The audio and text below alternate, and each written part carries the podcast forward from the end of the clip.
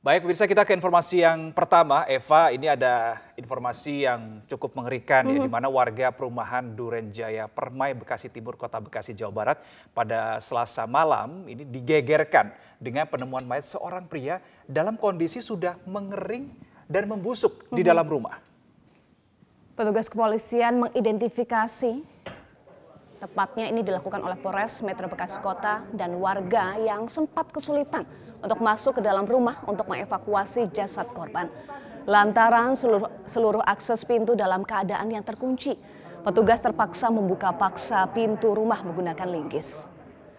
Jasad korban ditemukan sudah membusuk dan mengering. Untuk kepentingan penyelidikan, jasad korban langsung dibawa ke Rumah Sakit Umum Kota Bekasi untuk kepentingan otopsi.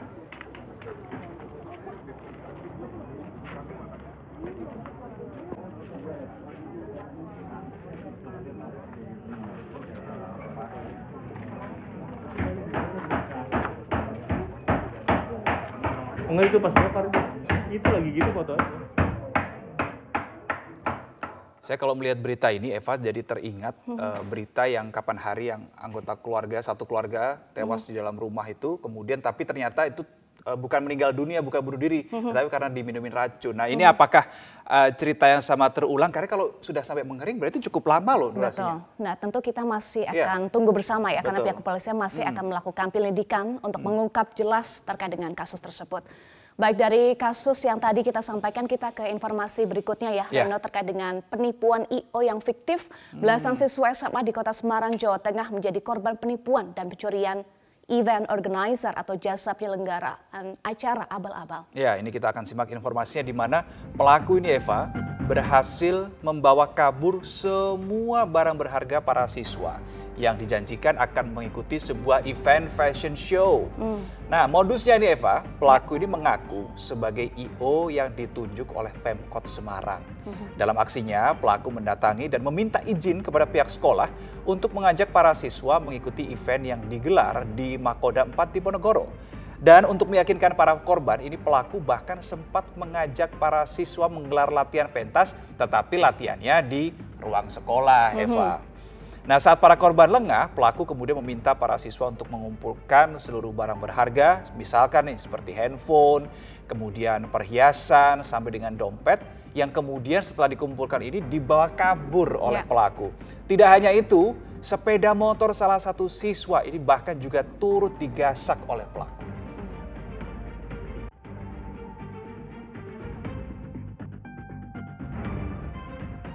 Pemirsa keluarga korban penganiayaan oleh Mario Dandi David Ozora merasa kecewa dengan lambannya proses hukum kepada Mario Dandi dan Shane Lucas.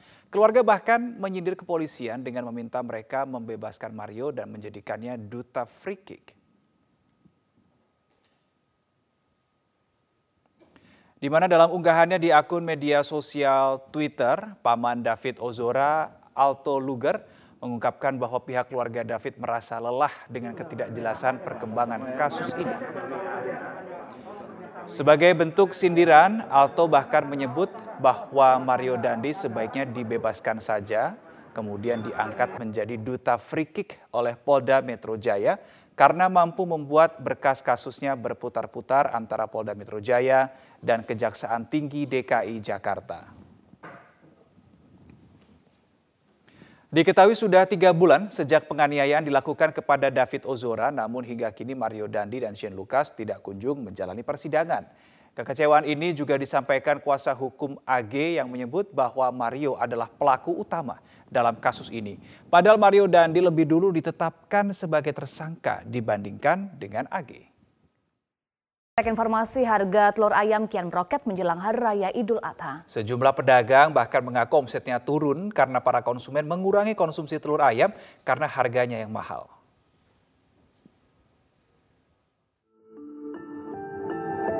Harga telur ayam belakangan ini kian tak terkendali dan semakin melambung tinggi. Seperti di Pasar Palmerah, Jakarta Barat, pada selasa pagi harga telur ayam berada di angka Rp33.000 hingga Rp34.000 per kilogramnya. Harga ini naik sekitar Rp7.000 dari harga normal pada biasanya. Menurut pedagang, harga telur terus tak terkendali pasca Idul Fitri. Bahkan dua hari lalu, harga telur sempat turun di angka Rp31.000 per kilogram. Namun tak lama, harga telur kembali naik. Untuk saat ini 33.000 per kilo. Ya kurang tahu ya, kita dapat dari yang ngirimnya udah naik udah seminggu ini sih. Hmm. Terus berpengaruh nggak buka? Ya agak berpengaruh karena oh, kok naik lagi ya gitu sih. Jadi pada nggak beli telur nggak jadi beli telur? Ya kadang dia ngecek lagi ke tempat lain mungkin ya. Harapannya bu mungkin? Hmm? Harapannya dengan Harapannya ya harganya normal lagi. Ya jangan terlalu tinggi soalnya kan bahan pokok lain juga pada naik ya, kayak sayur apa gitu. Selain harga telur ayam yang naik di pasar Palmerah ini, harga telur asin juga mengalami kenaikan. Di mana sebelumnya telur asin dibanderol dengan harga Rp2.300 per butir. Saat ini dibanderol dengan harga Rp2.600 per butirnya. Sedangkan untuk minyak goreng kita dan minyak curah terpantau stabil di harga Rp16.000 per liternya. Pemirsa tiga anggota Brimopori berhasil menorehkan prestasi dengan mendapatkan medali pada SEA Games 2023 yang digelar di Kamboja. Dan Kor Brimo Polri, Komjen Anang Revandoko menyatakan keberhasilan ini tidak hanya menjadi kebanggaan bagi Brimob, namun juga bagi Polri secara keseluruhan dan bangsa Indonesia.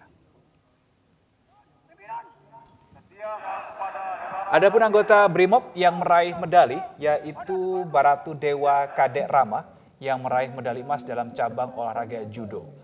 Kemudian ada juga nama Bribda Hugis Justisio, peraih medali perunggu kelas 84 kg cabang olahraga karate komite.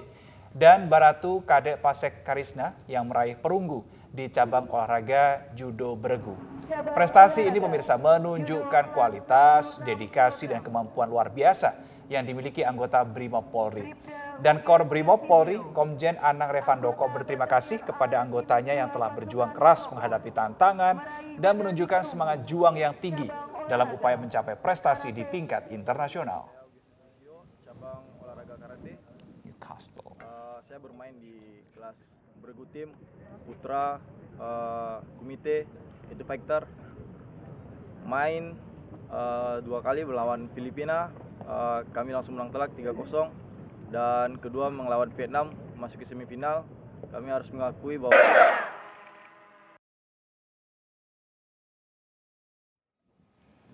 Pemirsa, 18 klub Eropa sudah memastikan diri lolos gelaran Liga Champions edisi 2023-2024. Meski begitu, masih ada klub-klub besar yang hingga saat ini masih bersaing untuk meraih tiket terakhir gelaran tertinggi klub Eropa tersebut.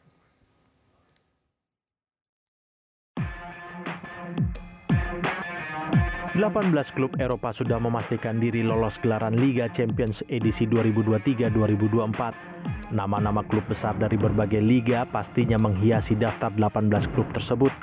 Namun ada juga klub kuat seperti Manchester United, Liverpool, Juventus, hingga AC Milan yang sampai saat ini masih berusaha untuk mendapatkan satu tempat di turnamen tersebut. Kebanyakan liga-liga top Eropa akan mengirimkan empat perwakilan ke Liga Champions. Tak heran, tim-tim di Liga Inggris, Liga Spanyol, Liga Italia, dan Liga Jerman saling sikut untuk bisa mengakhiri musim di posisi empat besar. Sejauh ini di Liga Inggris sudah ada tiga tim yang pasti finish di empat besar. Pertama, tentunya sang juara Liga Inggris 2022-2003, yakni Manchester City, lalu disusul Arsenal, serta Newcastle United. Lalu satu tempat terakhir di Liga Champions saat ini sedang diperebutkan oleh Manchester United dan Liverpool. MU bertengger di peringkat keempat dengan koleksi 69 poin dan masih menyisakan dua pertandingan. Sementara Liverpool di urutan kelima dengan 66 poin dan hanya memiliki satu laga tersisa. Manchester United sejatinya hanya perlu tambahan satu poin saja untuk bisa memastikan bermain di Liga Champions musim depan. Beralih ke Liga Spanyol, tiga tim sudah mendapatkan tiket Liga Champions 2023-2024. Tim pertama tentu sang juara Liga Spanyol 2022-2023 yaitu Barcelona. Lalu ada Atletico Madrid dan Real Madrid. Satu tempat terakhir saat ini sedang diperjuangkan oleh Real Sociedad yang menempati urutan keempat dengan 65 poin dan Villarreal di posisi kelima dengan 60 poin. Sociedad sedikit diunggulkan lantaran mereka hanya perlu menang dua laga lagi untuk bisa mengunci tiket Liga Champions musim depan. Kemudian di Liga Italia, baru dua tim yang baru memastikan diri lolos ke Liga Champions 2023-2024, yaitu sang juara Napoli dan Lazio. Dua tiket terakhir saat ini diperebutkan oleh lima tim, yakni Inter Milan, AC Milan, Atlanta, AS Roma, dan juga Juventus.